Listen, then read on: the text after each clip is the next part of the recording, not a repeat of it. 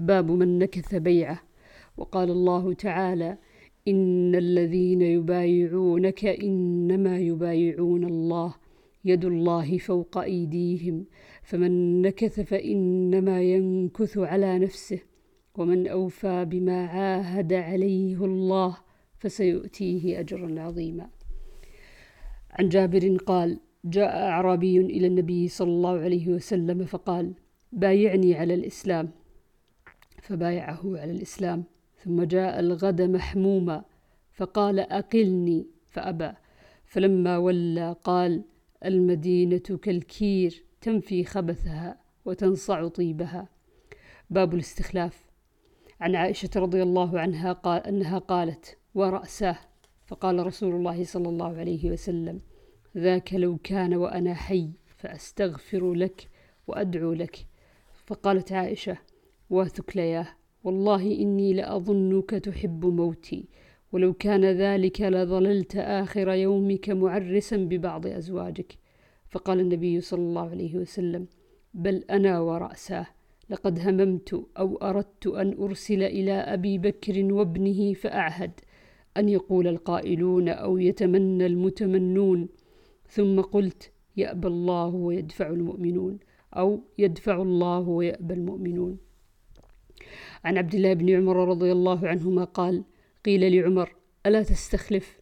قال إن أستخلف فقد استخلف من هو خير مني أبو بكر وإن أترك فقد ترك من هو خير مني رسول الله صلى الله عليه وسلم فأثنوا عليه فقال راغب وراهب وددت أني نجوت منها كفافا لا لي ولا علي لا أتحملها حيا وميتا.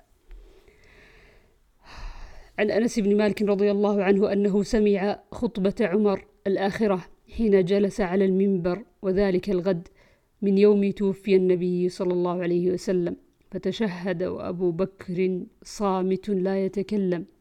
قال كنت أرجو أن يعيش رسول الله صلى الله عليه وسلم حتى حتى يدبرنا يريد بذلك أن يكون آخرهم. فإن يكن محمد صلى الله عليه وسلم قد مات فإن الله تعالى قد جعل بين أظهركم نورا تهتدون به. فما هدى الله محمدا صلى الله عليه وسلم نورا تهتدون به بما هدى الله محمدا صلى الله عليه وسلم. وإن أبا بكر صاحب رسول الله صلى الله عليه وسلم. ثاني اثنين فإنه أولى المسلمين بأموركم فقوموا فبايعوه. وكان طائفة منهم قد بايعوه قبل ذلك في سقيفة بني ساعدة. وكانت بيعة العامة على المنبر. قال الزهري عن أنس بن مالك سمعت عمر يقول لأبي بكر يومئذ اصعد المنبر. فلم يزل به حتى صعد المنبر فبايعه الناس عامة. عن محمد بن جبير بن مطعم عن أبيه قال أتت النبي صلى الله عليه وسلم امرأة فكلمته في شيء فأمرها أن ترجع إليه. قالت يا رسول الله أرأيت إن جئت ولم أجدك؟ كأنها تريد الموت. قال إن لم تجديني فأتي أبا بكر. عن أبي بكر رضي الله عنه أنه قال لوفد بزاخة تتبعون أذناب الإبل حتى يري الله خليفة نبيه صلى الله عليه وسلم والمهاجرين أمرا يعذرونكم به. باب عن, جابر بن سمرة قال سمعت النبي صلى الله عليه وسلم يقول يكون اثنا عشر أميرا. فقال كلمة لم أسمعها. فقال أبي إنه قال كلهم من قريش. باب إخراج الخصوم وأهل الريب من البيوت بعد المعرفة. وقد أخرج عمر أخت أبي بكر حين ناحت.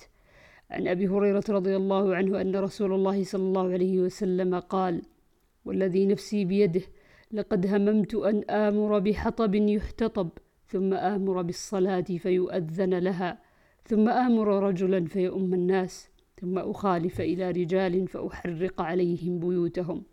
والذي نفسي بيده لو يعلم أحدهم أنه يجد عرقا سمينا أو مرماتين حسنتين لشهد العشاء. المرماه بين ظلف الشاة من اللحم مثل منساه وميضاه الميم مخفوضة. باب هل للإمام أن يمنع المجرمين وأهل المعصية من الكلام معه والزيارة ونحوه؟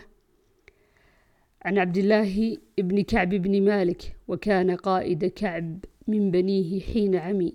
قال سمعت كعب بن مالك قال لما تخلف عن رسول الله صلى الله عليه وسلم في غزوة تبوك فذكر حديثه.